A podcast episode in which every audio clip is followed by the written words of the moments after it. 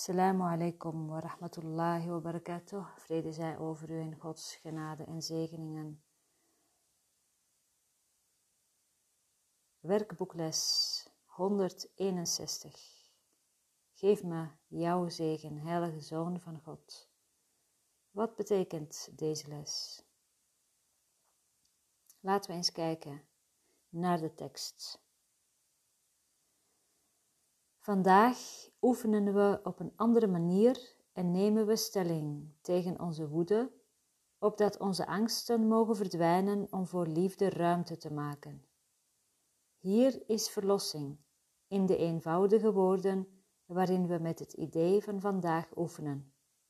Hier is het antwoord op verleiding, dat nooit kan nalaten de Christus daar welkom te heten, waar angst en woede tevoren de overhand hadden.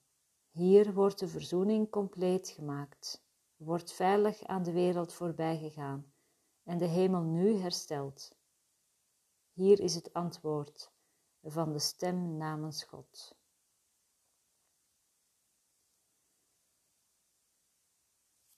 Christus. Christus welkom heten, wat betekent dat eigenlijk? Ik blader naar uh, het handboek voor leraren.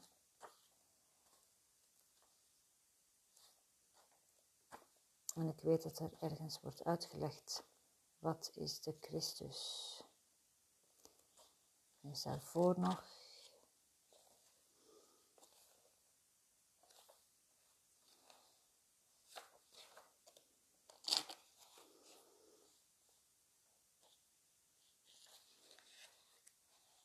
Verklaring van termen, dat is wat ik zoek.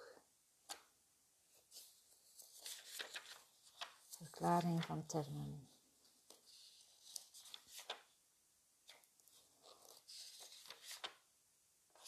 Oké, Christus. Er zijn allerlei associaties, maar laten we gewoon eens even kijken van wat bedoelt, wat wordt daarmee bedoeld in deze tekst. Jezus en koppelteken Christus. Dat wordt samen uitgelegd in verklaring van termen. En dat is uh, het uh, vijfde deel.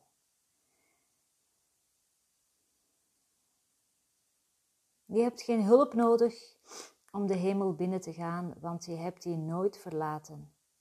Maar er is wel hulp nodig van buiten jezelf ingeperkt als jij bent door valse overtuigingen over je identiteit, die God alleen in de werkelijkheid heeft gegrondvest.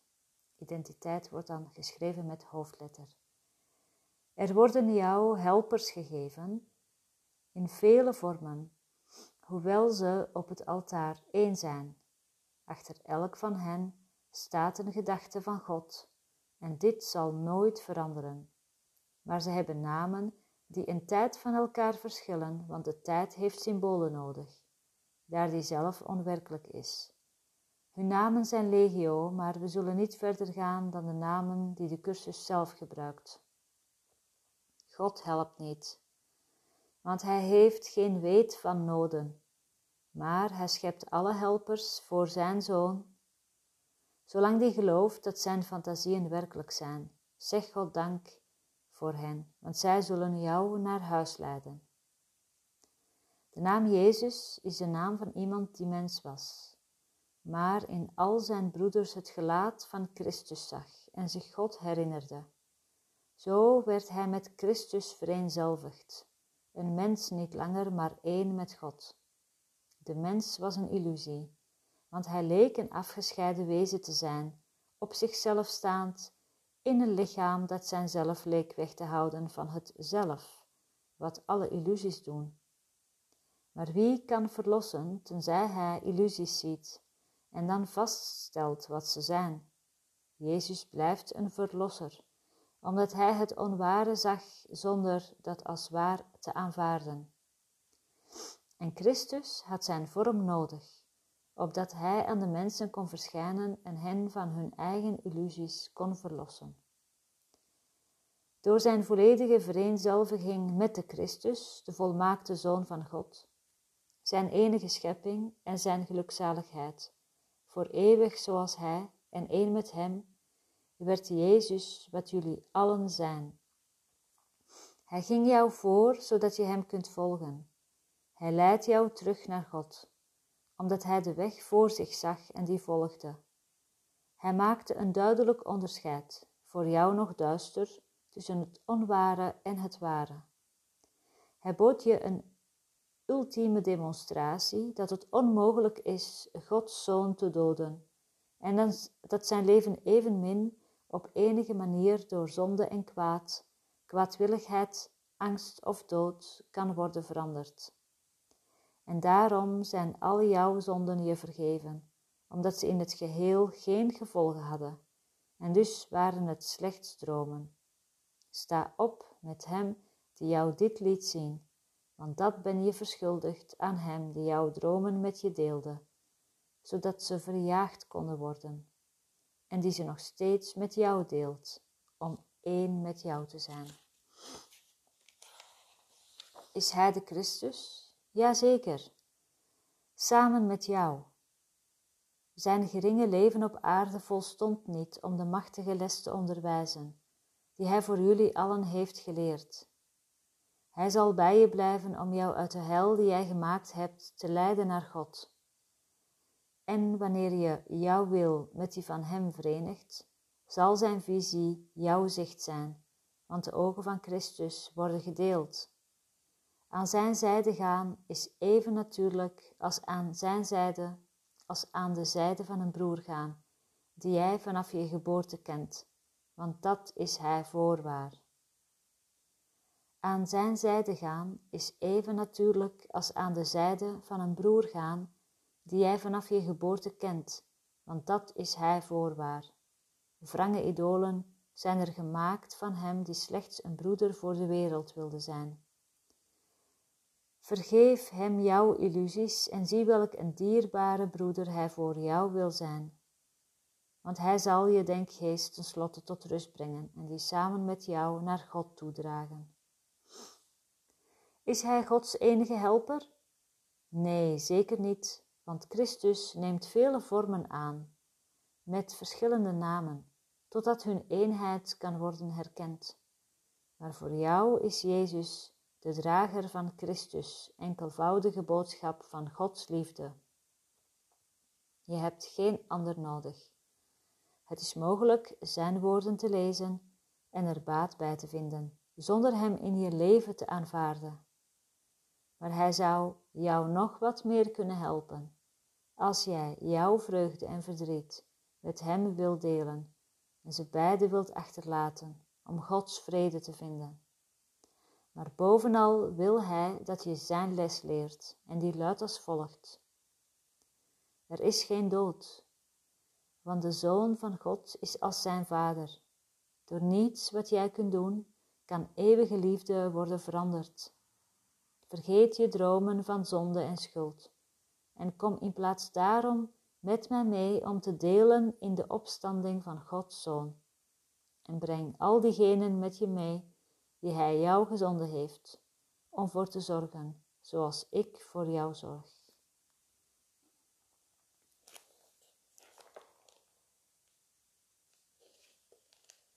Ja, dan is het dus niet nodig dat ik er nog verder over uitweid. We lezen de les van de dag. Er komt een woord voor waarbij ik voel van, oké, wat wordt daar nou echt mee bedoeld? En ik blader in het boek en het staat er heel duidelijk in.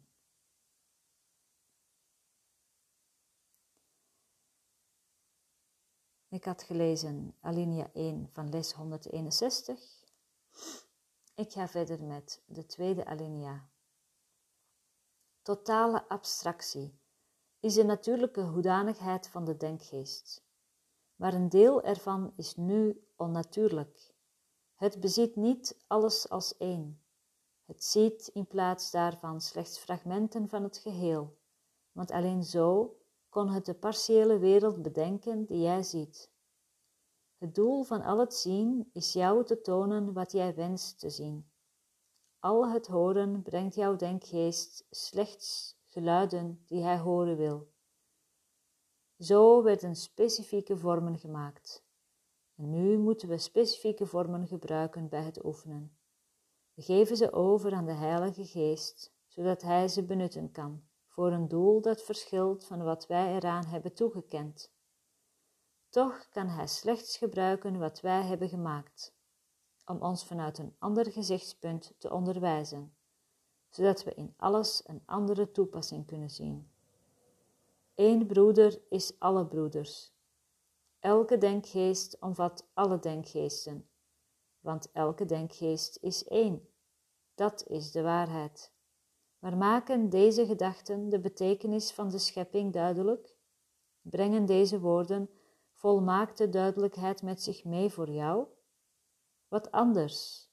Kunnen ze lijken dan lege klanken, mooi misschien, juist qua gevoel, maar fundamenteel niet begrepen noch begrijpelijk.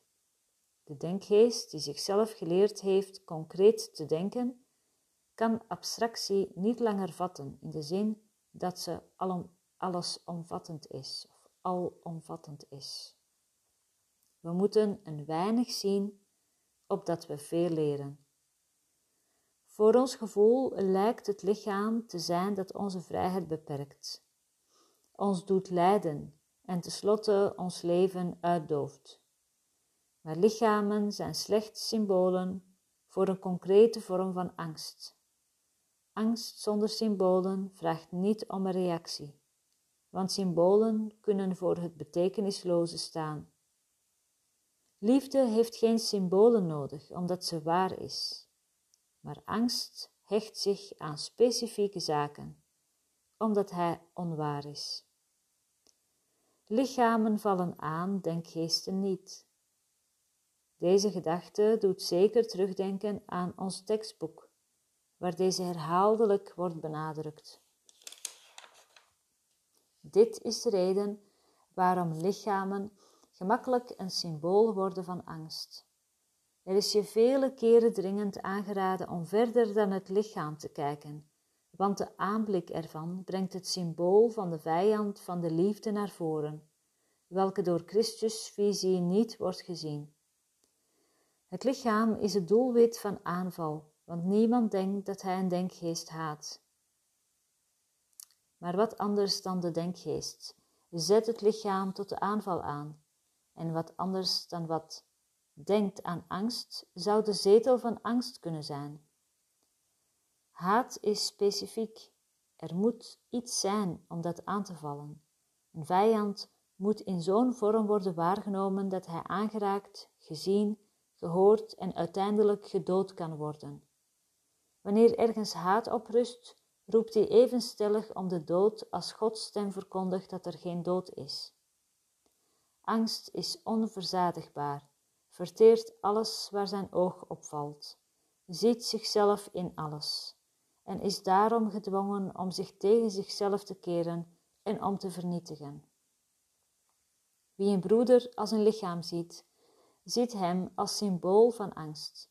En hij zal aanvallen omdat wat hij ziet zijn eigen angst is, buiten hemzelf, klaar om aan te vallen en luidkeels huilend om zich weer met hem te verenigen. Vergis je niet in de intensiteit van de razernij die door geprojecteerde angst onvermijdelijk de kop opsteekt. Hij briest in toren en klauwt in de lucht, in de hysterische hoop dat hij zijn maker kan bereiken en verslinden. Dit zien de ogen van het lichaam in iemand die door de hemel wordt gekoesterd, door de engelen wordt bemind en door God volmaakt geschapen is. Dit is zijn werkelijkheid. En in de visie van Christus wordt zijn beminnelijkheid in zo'n heilige en zo'n prachtige vorm weerspiegeld, dat jij je nauwelijks weerhouden kunt aan zijn voeten neer te knielen. Maar in plaats daarvan neem je zijn hand, want jij bent, zoals hij, in de ogen die hem zo zien. Door een aanval op hem ben jij je eigen vijand, want je zult dan niet zien dat in zijn handen jouw verlossing ligt. Vraag hem alleen hierom en hij zal jou die geven. Vraag Hem niet een symbool voor jouw angst te zijn. Zou je willen vragen dat liefde zichzelf vernietigt? Of wil jij dat ze aan jou wordt geopenbaard en je bevrijdt? Vandaag oefenen we in een vorm die we al eerder hebben beproefd. Je bereidheid is nu meer binnen handbereik en je komt vandaag nader tot de visie van Christus. Als je vast besloten bent die te bereiken, zal dat jou lukken vandaag. En als je er eenmaal in bent geslaagd, zul jij niet bereid zijn de getuigen te aanvaarden die de ogen van je lichaam oproepen. Wat je zult zien, zal jou al oude melodieën toezingen die jij je herinneren zult. Jij bent niet vergeten in de hemel. Wil jij je die dan niet herinneren? Kies één broeder uit als symbool voor alle anderen en vraag hem om verlossing. Zie hem eerst, zo duidelijk als je kunt, in dezelfde vorm als die je gewend bent. Zie zijn gezicht, zijn handen en voeten, zijn kleding. Kijk hoe hij glimlacht. En zie de vertrouwde gebaren die hij zo regelmatig maakt. Denk dan hieraan. Wat je nu ziet, verbergt voor jou de aanblik van iemand die jou al je zonden kan vergeven, wiens heilige handen de spijkers kunnen verwijderen die de jouwe doorboren, en die de doornenkroon kan wegnemen die jij op je bloedende hoofd hebt geplaatst. Vraag hem het volgende, zodat hij jou kan bevrijden. Geef mij jouw zegen, heilige Zoon van God. Ik wil je met de ogen van Christus aanschouwen en mijn volmaakte zondeloosheid in jou zien. En hij, wij, en hij, op wie jij een beroep doet, zal antwoorden. En hij, op wie jij een beroep doet, zal antwoorden want hij zal de stem namens God in jou horen en antwoorden in jouw stem. Aanschouw hem nu, die jij als louter vlees en beenderen hebt gezien, en besef dat Christus tot jou is gekomen. Het idee van vandaag vormt jouw zekere middel ter ontsnapping aan woede en angst. Zorg ervoor dat je het onmiddellijk gebruikt mocht je in de verleiding komen een broeder aan te vallen en in hem het symbool van jouw angst te zien en u zult hem plotseling zien veranderen, van vijand in verlosser en van de duivel in Christus.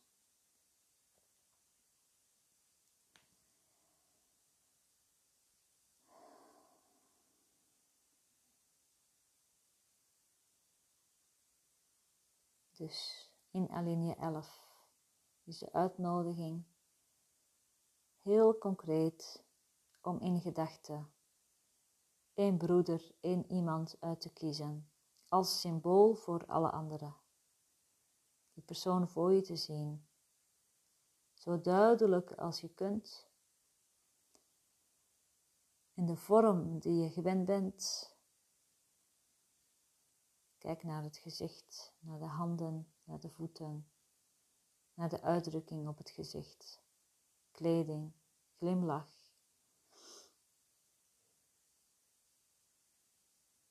Denk dan hieraan. Wat je nu ziet, verbergt voor jou de aanblik van iemand die jou al je zonden kan vergeven, wiens heilige handen de spijkers kunnen verwijderen, die de jouwe doorboren en die de doornenkroon kan wegnemen die jij op je bloedende hoofd hebt geplaatst.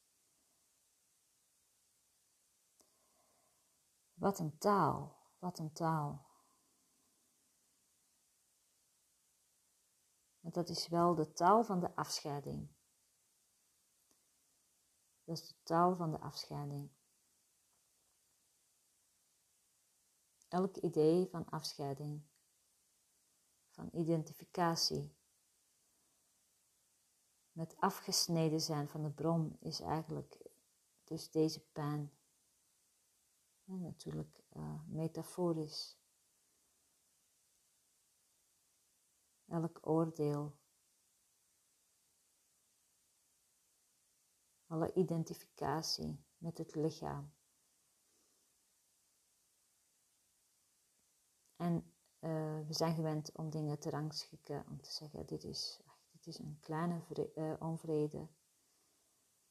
Dit zijn de grotere dingen. Maar uh, het idee van niet weten wie je bent, dat is eigenlijk het enigste wat gecorrigeerd kan worden. Dat is de enige vergissing.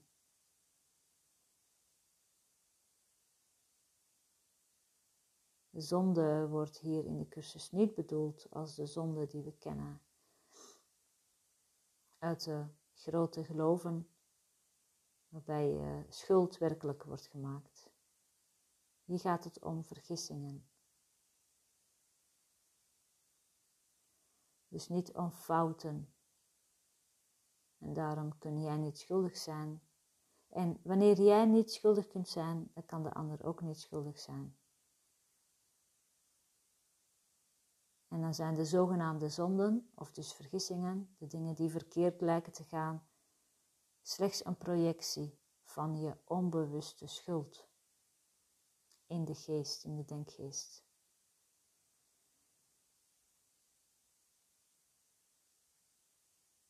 Wordt daar buiten geprojecteerd op het lichaam, op andere lichamen, zodat het duidelijk zichtbaar is waar heling plaats mag vinden.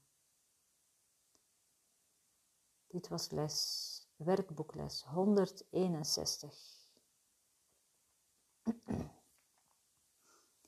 Het begint uh, stilletjes aan een dag te worden.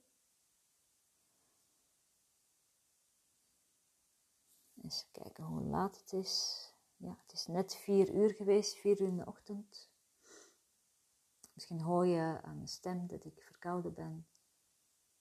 En ik kon niet slapen, verkouden vanwege hooikoorts.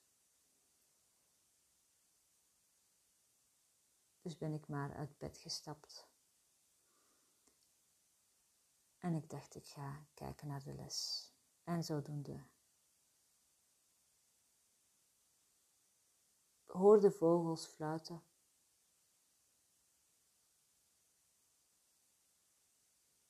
Die zijn alweer wakker.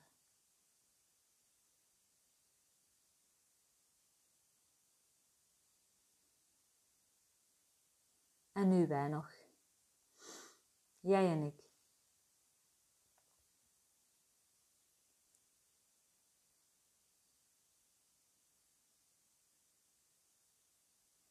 En in wezen hoeven we niet wakker te worden, want we zijn nooit van thuis weg geweest. Dat is de kern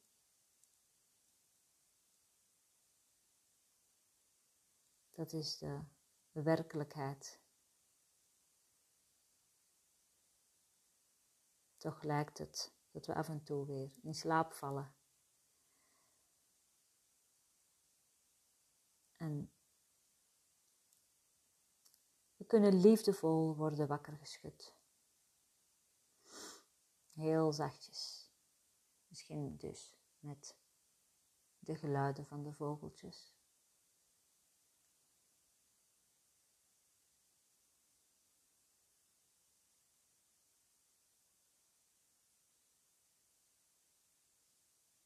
Geef me jouw zegen, heilige Zoon van God. Ik wil je met de ogen van Christus aanschouwen en mijn volmaakte zondeloosheid in jou zien. Mijn volmaakte zondeloosheid in jou zien.